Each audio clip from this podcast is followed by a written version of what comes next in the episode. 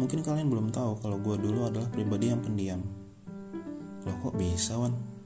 Ya bisa dong. Duren aja dibelah bukan dibedong. Ya, jokesnya jadul banget, nyiriin banget umur gue. Tepatnya pas gue SMA, gue kenal seseorang wanita, hmm, namanya Nona. Gue pengen buktiin sesuatu ke bokap sama nyokap. Kalau gue ini bisa mereka banggain. Ya apalagi dong kalau bukan jadi juara kelas ya masih jadi pro player Mobile Legend kan? Kan nggak mungkin pada saat itu belum ada Mobile Legend. Kenapa? Karena kalau jadi KM itu kita punya privilege lebih daripada murid lain. Cewek-cewek hits.